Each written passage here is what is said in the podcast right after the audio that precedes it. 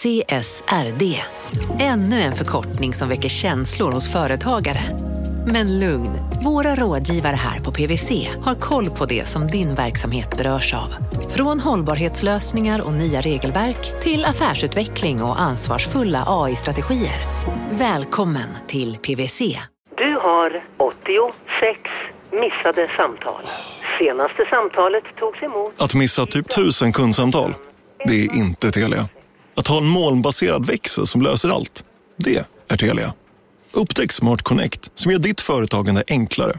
Läs mer på telia.se företag.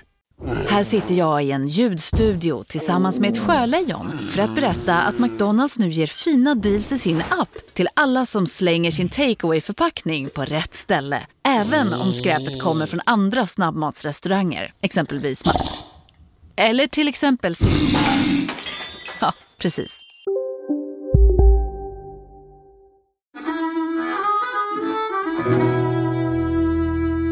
Hjärtligt välkomna ska ni vara till Kapitalet. Jag heter Gunnar Harjus och sitter här i studion tillsammans med Åsa Secker. Hej Åsa! Hej Gunnar! Du, vad i hela fridens namn ska vi prata om idag? Ja, men jag tänker att vi ska prata om två saker.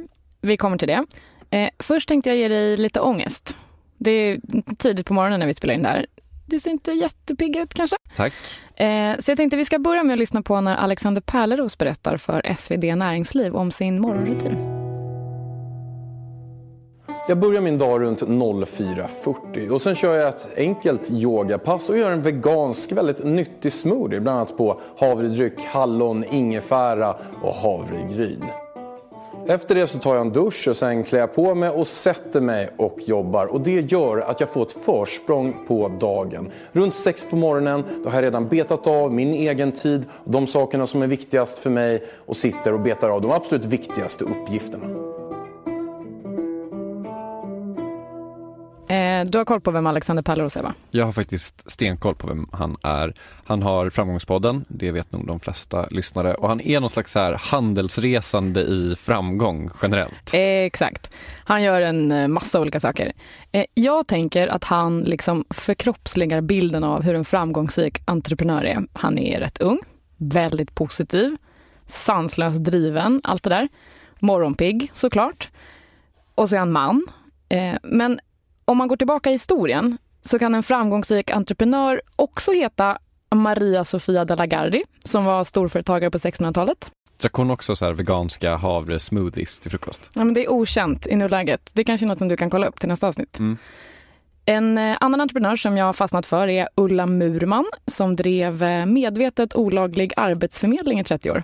Hon såg böterna som omkostnader i rörelsen. Ja, en superspännande affärsmodell, det är jag den första att säga. Men vad har det här med någonting? Vad har det med Alexander Pärleros att göra? Det de har gemensamt är att alla tre är entreprenörer. Och det är det vi ska prata om idag. Eh, men med lite mer fokus på personer från Ulla Murmans tid. Vi ska lära oss eh, mer om hur det svenska entreprenörskapet såg ut långt innan Klarna och Spotify var påtänkta. Ja, men jag tycker det är kul att vi ska prata om entreprenörer idag för att när man pratar om entreprenörer i samhället idag så liksom framställs de ofta som så superstora hjältar som är liksom det enda som står mellan oss och mänsklighetens totala förfall.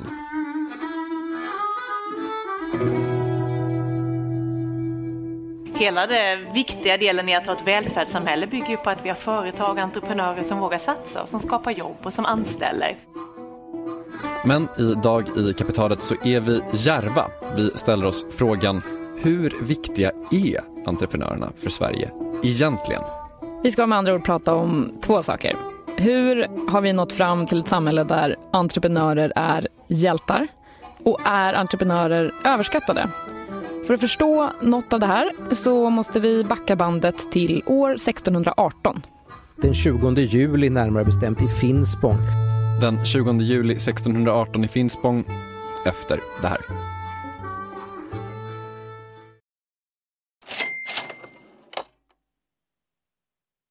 Vi sponsras av Storbrand Asset Management som ju förvaltar över 1000 miljarder norska kronor bland annat för SPPs eh, många pensionssparare. För två år sedan så investerade Storbrand i drygt 60 tåg, alltså tågvagnar, eh, som rullar mellan London och Skottland. De leasar sen de här tågvagnarna till tågoperatören som alltså kör tågen och säljer biljetter och sånt. Eh, med ett avtal på 27 år. Så britterna får nya fina tåg och Storbrands kunder, eh, däribland alltså SPPs pensionssparare, får en inflationsskyddad avkastning med låga risker under lång tid. Det här är ett av supermånga exempel på hur pensionskapitalet i växande omfattning bidrar till att bygga samhället och inte minst till att klara klimatmålen. Det behövs elproduktion, elnät, batteriparker, nya transportlösningar och allt möjligt. Bara i Europa antas investeringsbehovet för att klara klimatmålen uppgå till tusentals miljarder dollar. Och det här är ju pengar som ganska ofta saknas i statsbudgetarna. Däremot är det här pengar som pensionsbolagen kan vara med eh, och stoppa in, vilket ger pensionsspararna en fin avkastning under lång tid samtidigt som man är med och ställer om samhället. Vi har gjort ett helt avsnitt om det här eh, som man kan lyssna på. Det publiceras här i Kapitalet i mitten av maj. Ratta gärna in det om ni vill lära er mer om hur det här funkar. Men tack säger vi till Storbrand Asset Management som ju investerar i alla tänkbara tillgångslag, bland annat för pensionsbolaget SPP. Och tillsammans försöker ju vi, Storbrand och SPP, öka medvetenheten om hur pensionerna funkar och vilken roll pensionerna spelar i samhället och i ekonomin.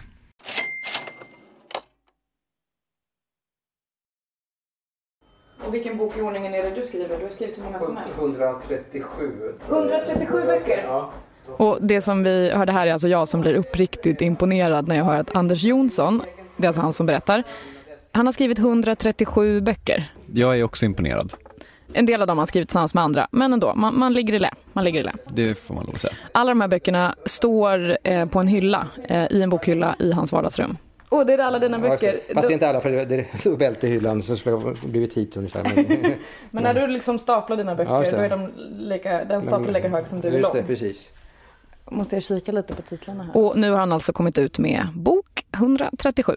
Besvärliga människor, svenska entreprenörer under 400 år. Och den här titeln, den syftar alltså på det som hände i Finspång för 400 år sedan. Eh, man kan säga att fram till dess, de som drev de stora svenska företagen var i praktiken statliga företagsledare. Kungen bestämde väldigt i detalj. Men så gjorde man ett experiment i Finspång.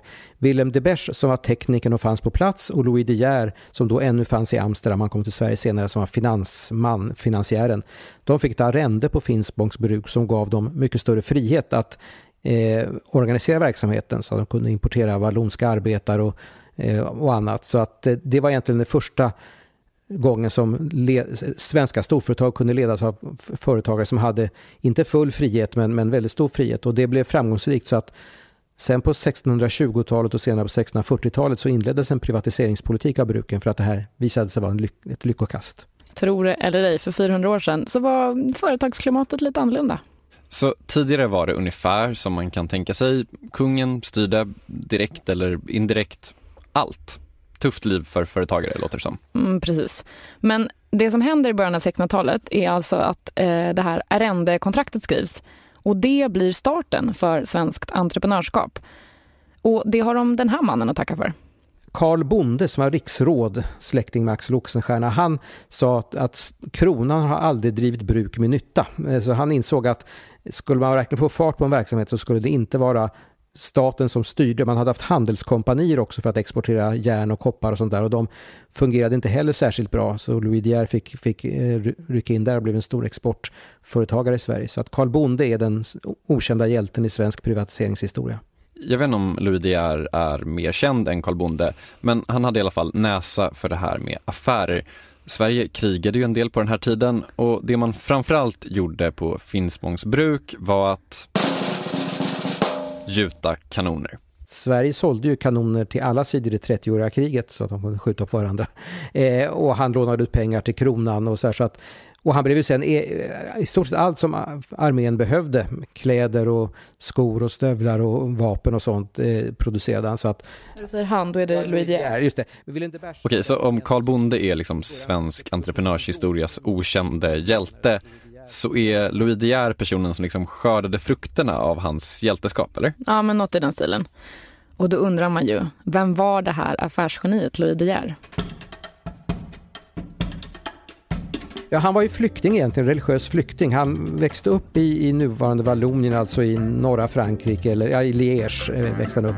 Och familjen var kalvinister eh, och eh, Eh, det, där, det området tillhörde då Spanien och där fick man bara vara katolik. Så att hans föräldrar och han själv som ung flydde till Nederländerna som var mycket mer tolerant. Eh, Louis De Geer var sannoliken inte den enda vallonen som kom till Sverige i sekelskiftet eh, 15-1600.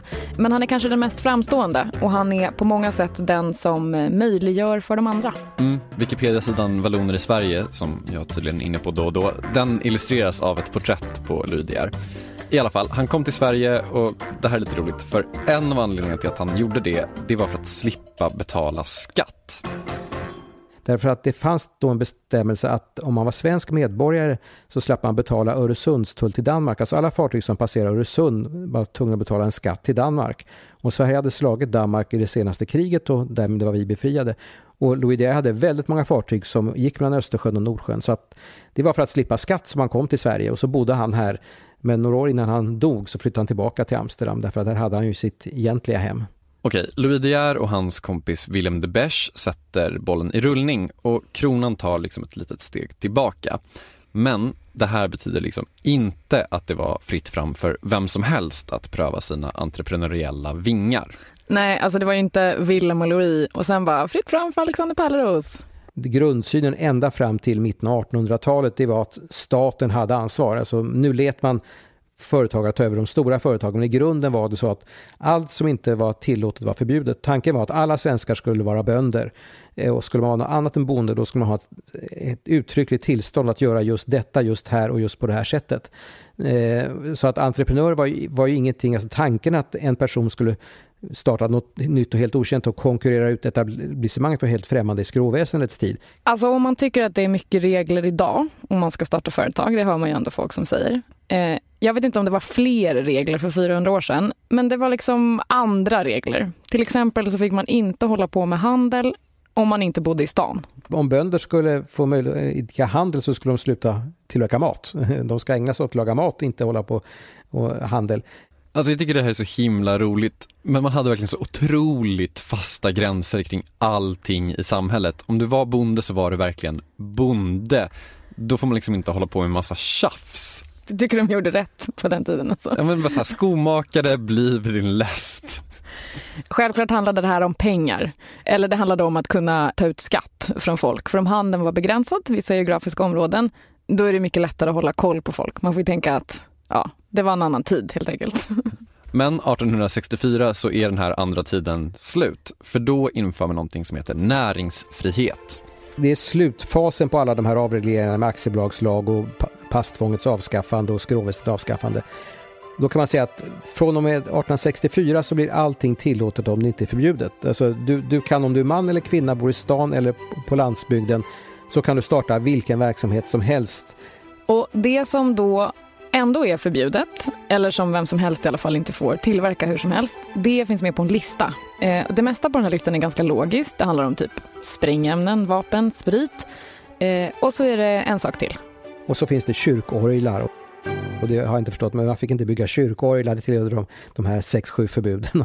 Däremot fick man bygga hus, vilket inte var så bra därför att då var det människor som inte alls kunde bygga hus som byggde hus till exempel i Stockholm som var livsfarliga. Sen införde man en regel att skulle man få bygga ett hus som var högre än två våningar då måste man ha en byggmästarutbildning. Så att man gick lite för långt i just det avseendet. Bortsett från det där med att låta vem som helst bygga hus så var det nog ändå, eh, ja men det var ganska bra med en del avregleringar. Okej, men vänta nu här. Man går alltså från ett samhälle där allt som inte är tillåtet är förbjudet till ett där allt som inte är förbjudet är tillåtet. Och det låter liksom som semantik, men det är ju såklart en sjukt stor grej. Ja men onekligen. Alltså hur kan det här komma sig? Vaknade bara en massa svenska ämbetsmän och kungar upp en morgon och bara, vet du vad? Det här med att alla skomakare ska bli vid sina lästar, det funkar kanske inte. Nej, det var, det var inte riktigt så enkelt. Anders Jonsson menar att det var tre saker som ledde fram till att det blev så här. Det var en kombination av teknik. Alltså att det kom en massa nya grejer som lagstiftarna inte hade tänkt på att reglera för att det inte fanns. Typ ångmaskinen, järnvägen, tryckpressen. Internationella, internationella idéer och, och demografi som sprängde bojorna. De internationella idéerna var såklart upplysningstiden. Och så den tredje grejen var demografin med, eh, som Esaias Tegnér sa, freden, vaccinen och potäterna så minskade dödligheten medan fortfarande så föddes det många svenskar. Så vi fick en kraftig befolkningsökning.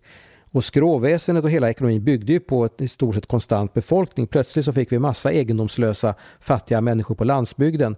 Eh, och ja, de skulle, kunde inte rymma, inrymmas i den reglerade ekonomin så det blev ett tryck att att avskaffa regleringarna så att ja, fattiga kvinnor till exempel kunde starta egna företag och sådär. Så att... Det där med fattiga kvinnor är intressant för att jag eh, började det här avsnittet med att säga att Alexander Pärleros är någon slags typexempel eh, på hur man tänker sig en entreprenör idag. Då tänker jag att Louis De Geer och hans kompis William de Bash också var typexempel fast för 400 år sedan. Alltså eh, män med mycket makt, mycket pengar. Men vad höll typ alla länder på med, inklusive Sverige, för 400 år sedan? vi förde jättemånga jättekostsamma krig. Exakt, vi krigade hur mycket som helst. Och när männen var ute och krigade, kanske strök med på kuppen, det var det några som gjorde. Vilka var det som var kvar hemma? Ja, de som inte var män, alltså kvinnorna. Exakt. Och en del av de där kvinnorna, på 1600-talet så var det kanske framförallt de rika kvinnorna, men i alla fall. En del av de här kvinnorna som var kvar hemma i Sverige, eller kanske till och med hade blivit änkor, de förtrev sin tid med att bygga företag. Som till exempel Maria Sofia de la Gardie. Och som eh, inte själv är någon tekniker eller ledare av verksamheten men hon är ute och reser i Europa, snappar upp idéer och sen så arrenderar hon ut verksamheter. Och hon äger då Tyresö slott och eh, i Stockholms närhet så, så finns det väldigt ont om vattenkraft. Eh, men i Tyresöån så finns det tre fall. Så att hon bygger upp Tyresö till det ledande industriella centret i Stockholmsområdet på 1600-talet.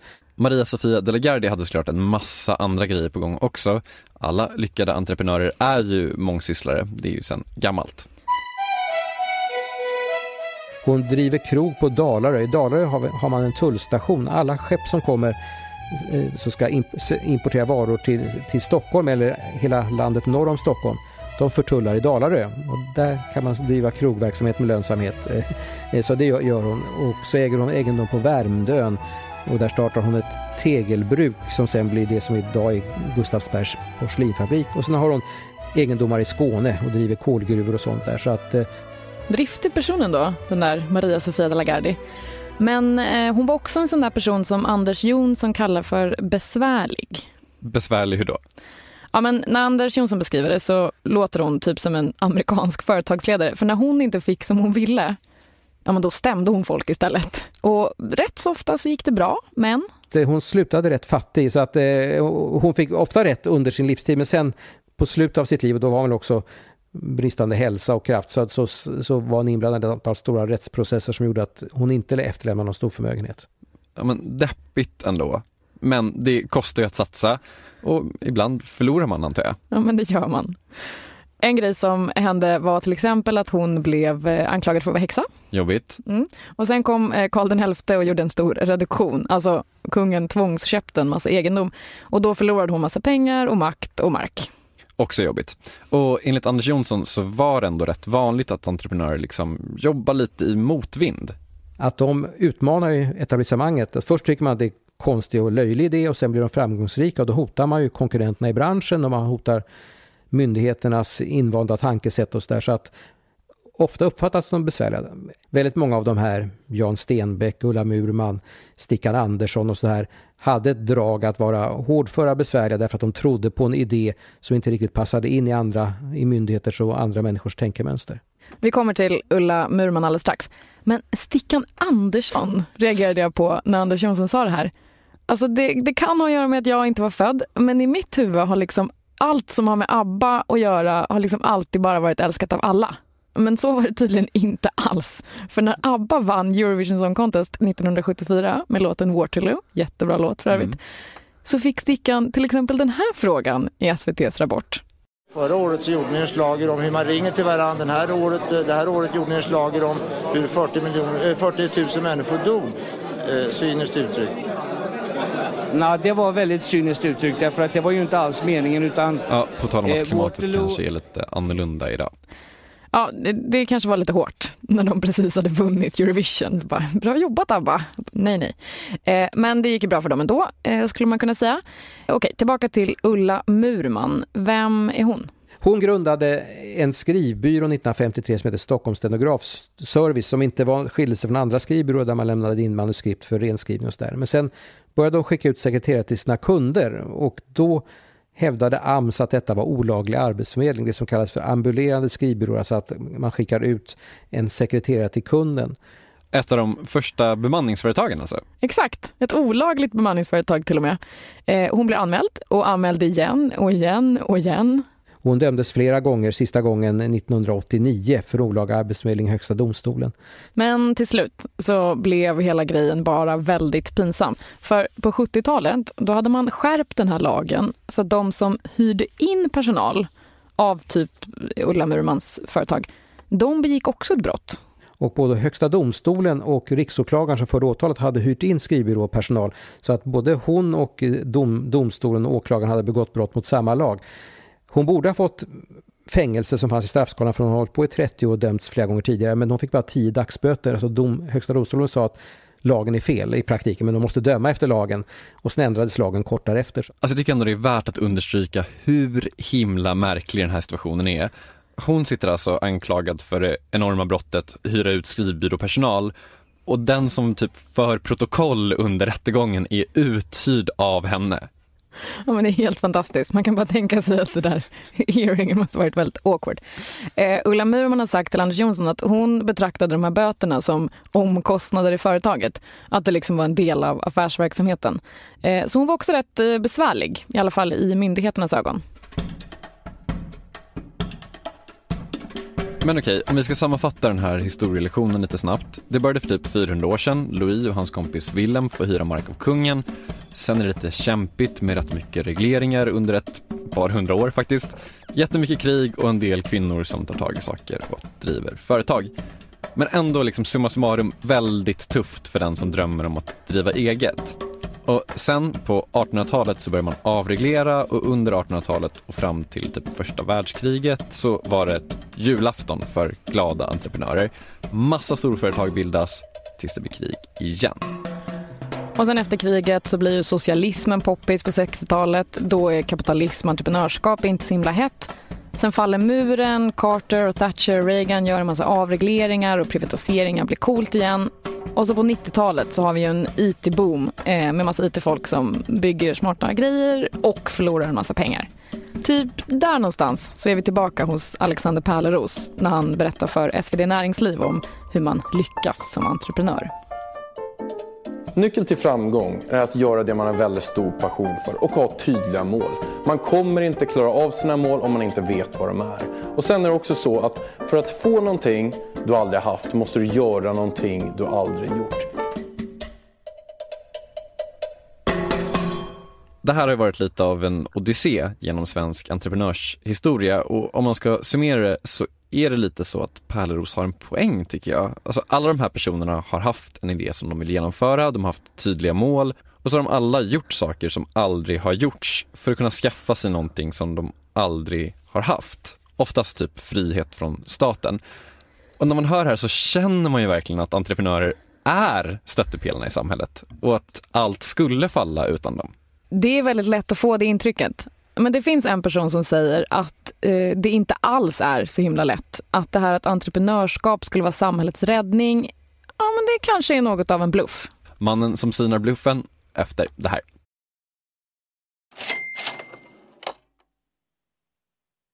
Kapitalet sponsras av Master Exchange, plattformen där du som privatperson kan investera i låtar och får pengar varje gång de här låtarna spelas.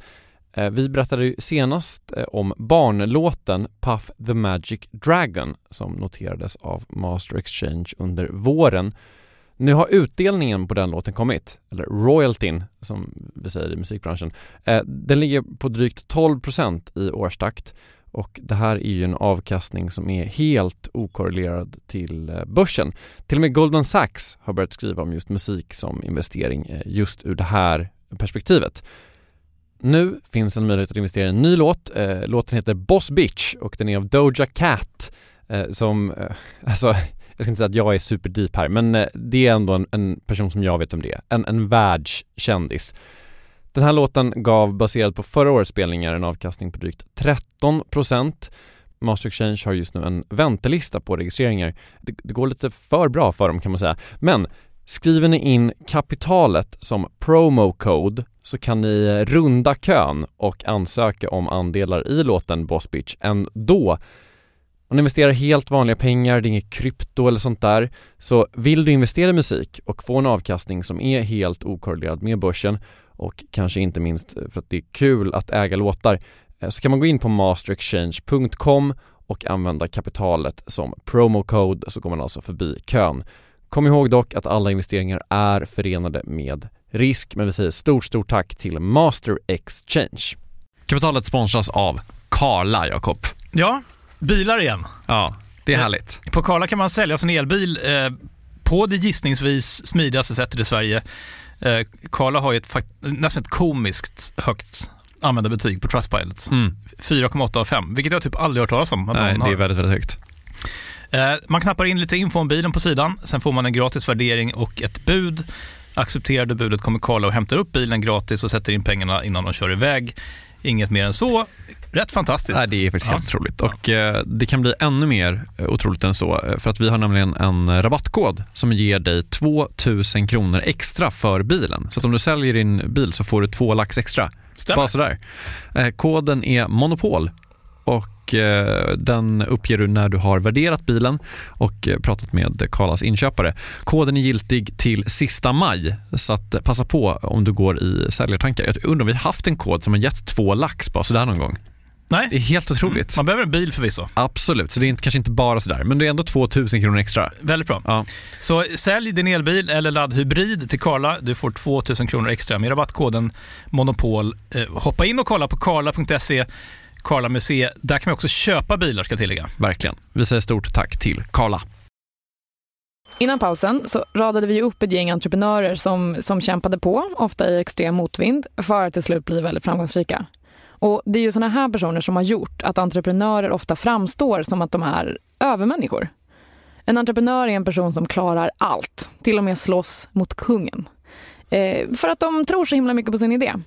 Men i verkligheten så är ju långt ifrån alla entreprenörer superframgångsrika. Istället så låter sanningen kanske lite mer så här. Eh, så de flesta entreprenörer har misslyckats.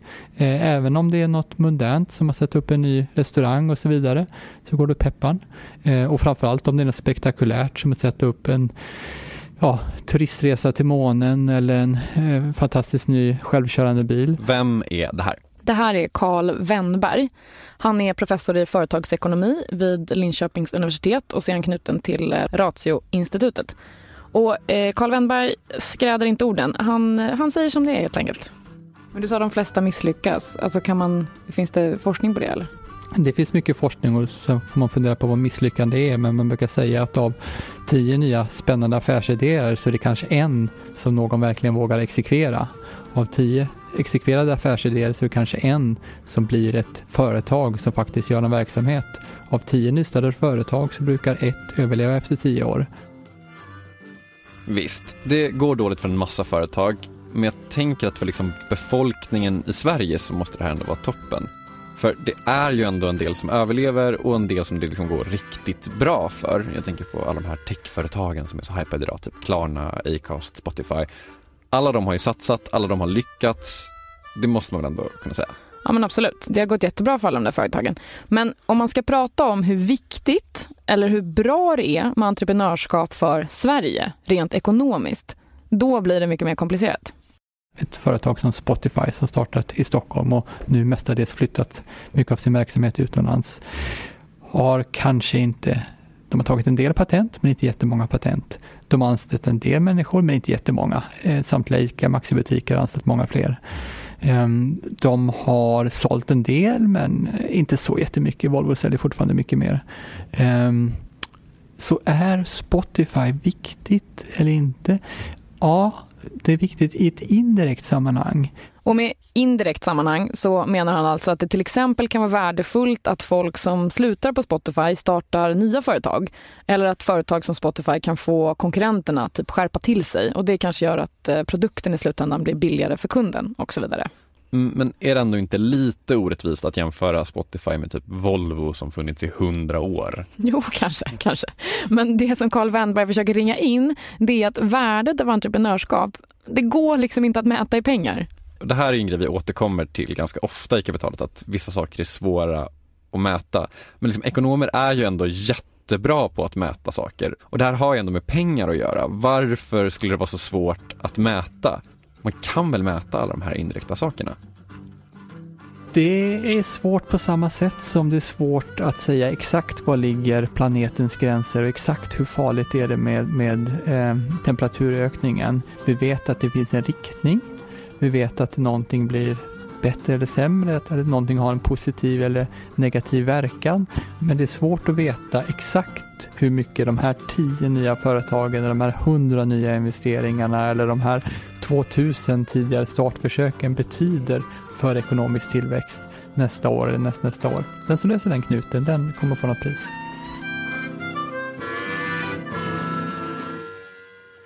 Aspirerar du på det priset? Absolut inte. Varför inte? Det låter alldeles jobbigt. Eh, sen finns det en grej till som komplicerar det här och det är något som Carl Wennberg kallar för inkluderande tillväxt. Nu blir det lite nationalekonomisk teori här. För förut så kom produktionsöverskottet i samhället från stora företag som typ Ericsson, Volvo. Och produktionsöverskottet är typ vinst, ja, men, tillväxt? Ja, men typ. Eh, och nu kommer det snarare från typ digitala startups som kanske ägnar sig åt att automatisera saker eller göra saker lättare. Mm, men kanske inte sysselsätter så många människor. Eller de de sysselsätter är en väldigt liten grupp eh, specialister programmerare eller chefer och en väldigt stor grupp lagerarbetare. Ehm, och då är det klart, då kan man fundera på hur ser man till att det här produktionsöverskottet som skapas eh, gynnar många på ett sätt som är positivt för samhället och ekonomin. Och då blir det genast en politisk fråga, eller hur? Eh, när jag säger dela ut produktionsöverskottet, då ringer det en liten Karl Marx-klocka. Och det är där mycket av den stora ekonomiska frågan står framöver. För det är klart, vill vi uppmuntra entreprenörskap, då gäller det att vi kan eh, öka välståndet, sprida välståndet, göra det möjligt för fler människor att spara pengar, att låna pengar, starta nya verksamheter. Och då går det inte att färre och färre gör sig en förmögenhet. Summan av den här kardemumman är alltså att det är svårt att bevisa att det finns en koppling mellan entreprenörskap och ekonomisk tillväxt. Men Karl Wennberg sammanfattade det så himla bra, så vi låter honom göra det kopplingen mellan ekonomisk tillväxt och entreprenörskap är någonting som förbryllat och fascinerat forskare i många, många år. Eh, vi vet att det finns positiva aspekter av entreprenörskap som gynnar ekonomin, men vi vet inte exakt på vilket sätt. Eh, direkta och indirekta effekter. Vi vet inte exakt över vilken tidshorisont och vi vet inte heller hur detta bör mätas. Kommer någon att knäcka den nöten tror du? Min chansning är nej.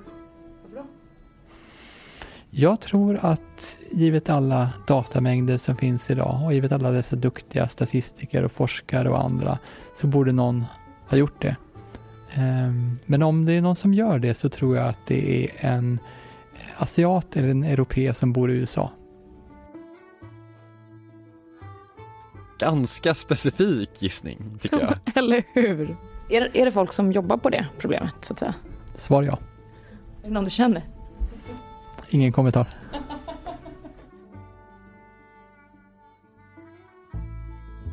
Ja, vi får se om det är någon som lyckas få ordning på det där. Kanske kamma hem ett eh, Nobelpris i farten.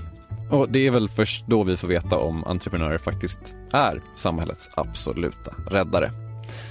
Du har lyssnat på Kapitalet. Du kan följa oss på Twitter, där heter vi Kapitalet Radio, eller Instagram, där heter vi att Kapitalet. Vi är tillbaka med ett nytt avsnitt nästa vecka. Tack så mycket Åsa. Tack så mycket Gunnar. Hej då.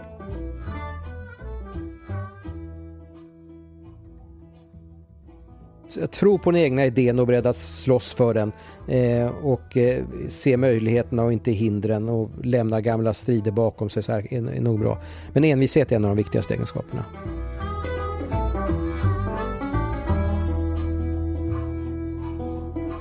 Här kommer en intervju som vi på Kapitalet har gjort i samarbete med SNS.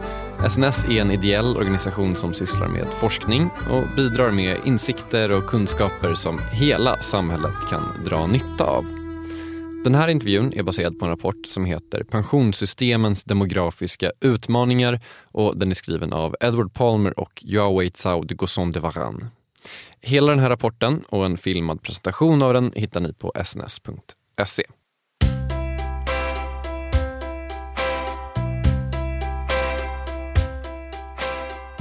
Tänk om det skulle vara så att antagandena som ligger bakom hela det svenska pensionssystemet är felaktiga.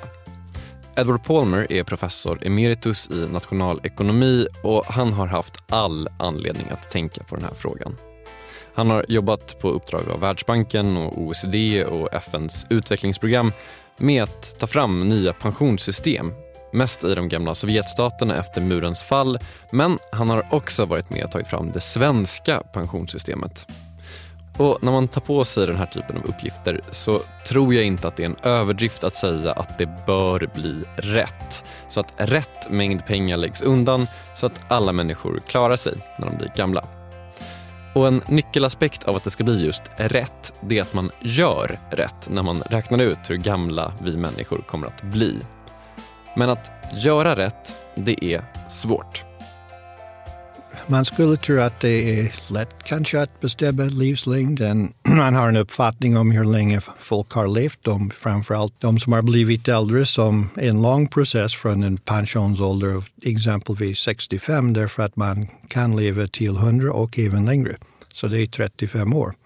Så för att kunna lära sig något om vad som, har, vad som är på gång genom att titta på vad som har skett så tittar man på födelsekohorter som har fötts eh, 35 år tidigare än den som man vill göra en prognos på, som är den som är 65 idag. Okej, redan här finns en del saker att förklara.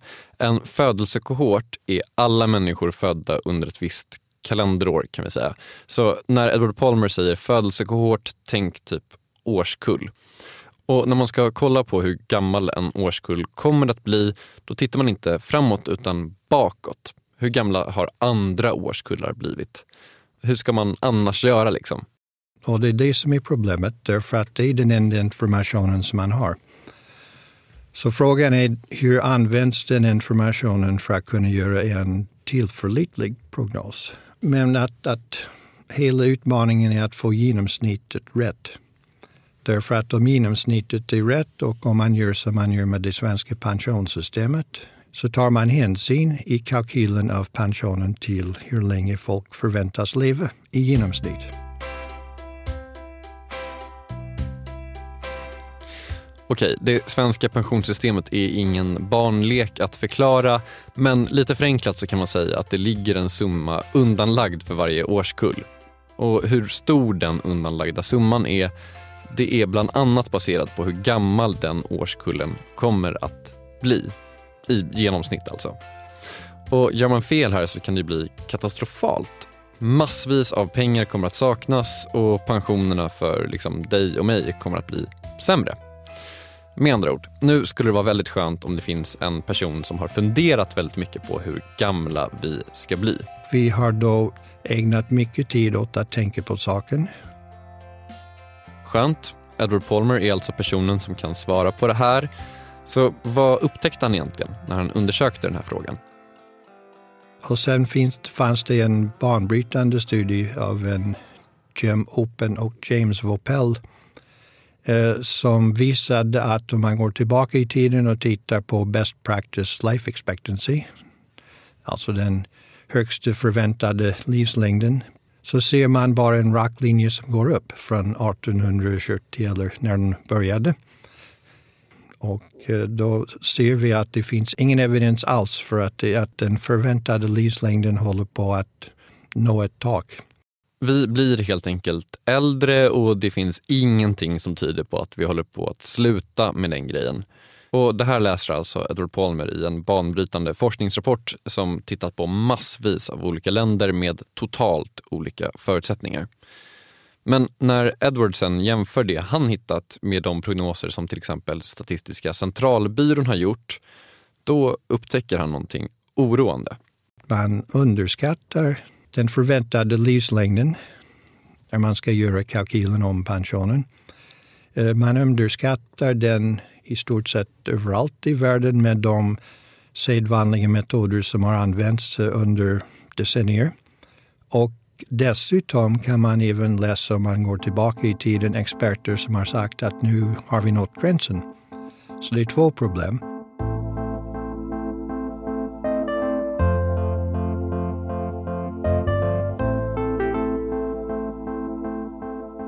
Två problem alltså. Man underskattar systematiskt hur gamla vi kommer att bli i hela världen. Och det finns experter som säger att vi har nått gränsen för hur gamla vi kommer att bli fast ingenting av det Edward hittat tyder på det. Men är det i alla fall så att de här effekterna, alltså att vi når nya toppnivåer i ålder hela tiden, att det är lite avtagande? Tvärtom. När vi gjorde våra studier så fann vi att den, den förväntade livslängden, alltså förbättringen i mortalitet som då är bakom den förväntade livslängden, eh, den förbättringen sker i en accelererande takt. Alltså allt eftersom man går upp i åldrarna. Så Sverige har gått igenom det. Resten av Skandinavien och vi har tittat på länder som Nederländerna, Italien, Frankrike, Storbritannien, USA och även Japan. Eh, och det, vi ser det överallt. Det, det, är inte så att det går spikrakt åt något håll, vilket har kanske förvirrat eh, prognosmakare. Men det finns en trend efter andra världskriget för alla de länder som jag har nämnt att, att vara med om det här.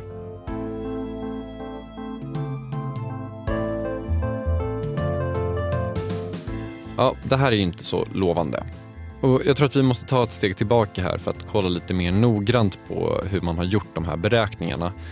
När man ska beräkna hur gammal någon kommer att bli så utgår man från hur tidigare generationer har betett sig, det sa vi innan, och det kallas för periodmetoden. Men man går tillbaka ganska lång tid. Så när man ska förutspå hur många 84-åringar som kommer att bli 85, då utgår man från hur det såg ut för 20 år sedan. Hur många 84-åringar blev 85 då? Men eftersom folk blir äldre och äldre och om man utgår från gammal statistik, ja, då blir det fel. Fler 84-åringar blir 85. Fler 94-åringar blir 95. Edward Palmer känner alltså att det här duger inte.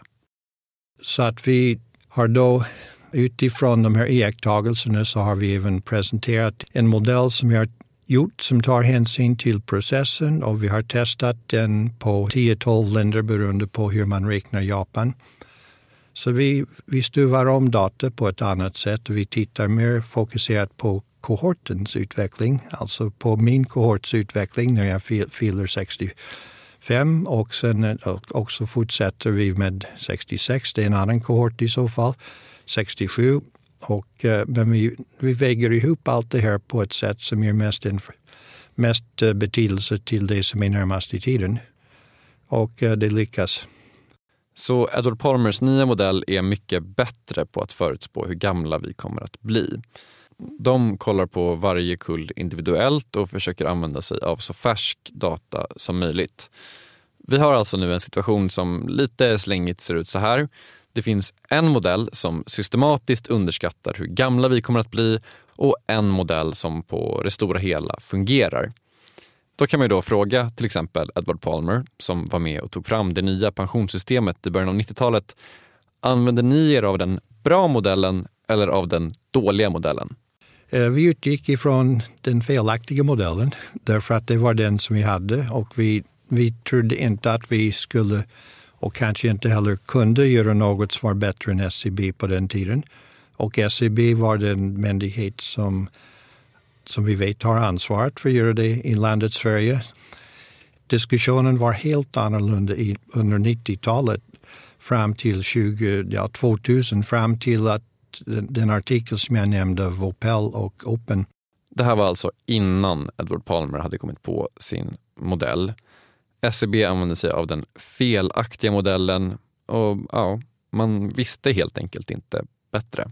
Så konsekvensen är att det kostar mer än vad man trodde.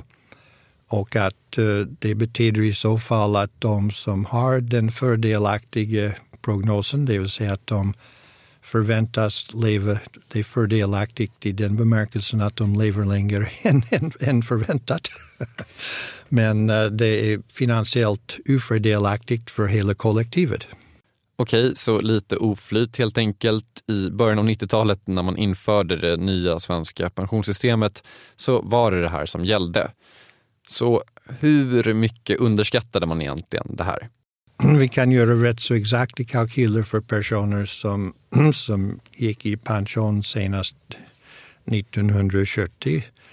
Vad vi har sett då är att felet var mindre för den generationen så att det inte det var kanske ett fel på en systematisk underskattning på en procent.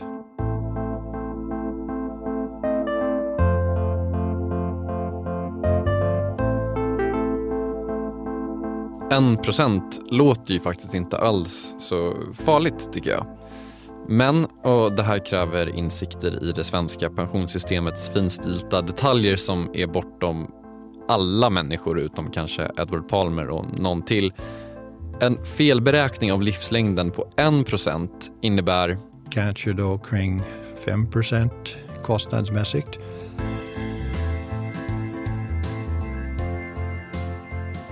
Och det här är då för personer som gick i pension i mitten av 70-talet. Men ni kanske minns det här som Edward Palmer sa innan, att ökningen av livslängden accelererar. Det innebär att det här det blir bara värre och värre. Vi har sett att den har ökat sedan dess. Vi kan titta på kohort, födelsekohorter som fortfarande är levande i den bemärkelsen att hela kohorten inte har dött. Och eh, då ser vi en, en stigande avvikelse mellan vad som sker och vad som har antagits. Och eh, den har nog gått förbi 2% underskattning av, av livslängden. I och för sig väldigt bra för oss som lever. Så vi lever längre än vi trodde. Mm, härligt. Kom, kommer att göra det. Ja. Och vad betyder uh, vi, Den 2%? är på väg mot 3% tror vi. För att det är en tendens som visar att det kan vara så, men det är en sorts, då är vi mindre säkra förstås, därför att det är närmast i tiden. Mm. Och om 1 procents underskattning av livslängd betydde ungefär 5 procent underskattning av kostnaden, vad betyder 2 till 3 procents underskattning av livslängd? Ja, vi, vi tror att det är ganska säkert att, vi, att nuvarande metod missar med cirka 10 kostnadsmässigt. Okej, ett underskott på 10% Vad är det då? Och svaret är att det är lite svårt att säga. Eftersom Edward Palmer vill ha så färska siffror som möjligt så har han kollat på de senaste generationerna som gått i pension. Problemet är att de har ett annat pensionssystem, eller i alla fall delar av ett gammalt pensionssystem det nya systemet trädde i kraft 1999 men då gjorde man en utfasning liksom stegvis.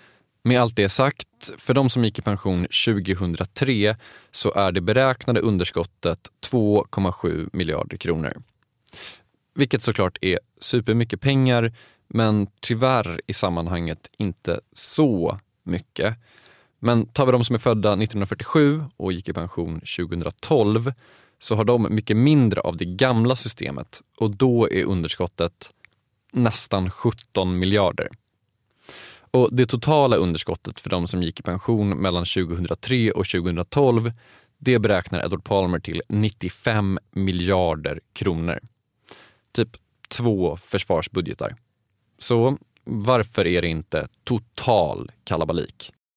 I Sverige är det väldigt välställt med väldigt stora AP-fonder. De är en sorts uh, stötdämpare kanske, eller de på något sätt i sammanhanget så att vi ingen lägger märke till det just nu därför att det är relativt till de pengar som finns så är det en liten sak.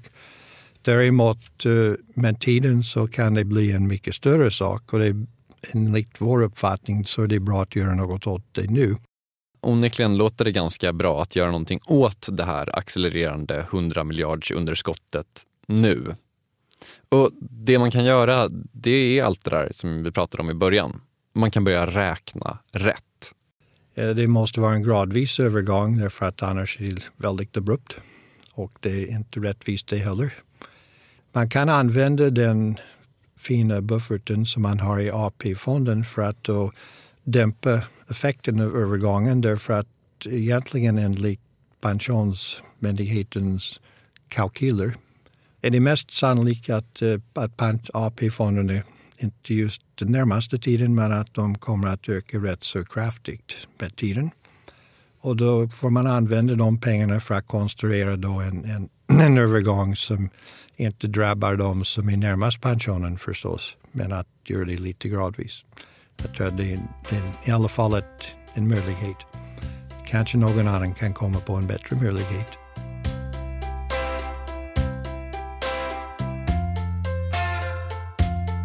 Ja, ser ni någon annan möjlighet, tveka inte att höra av er till Edward Palmer.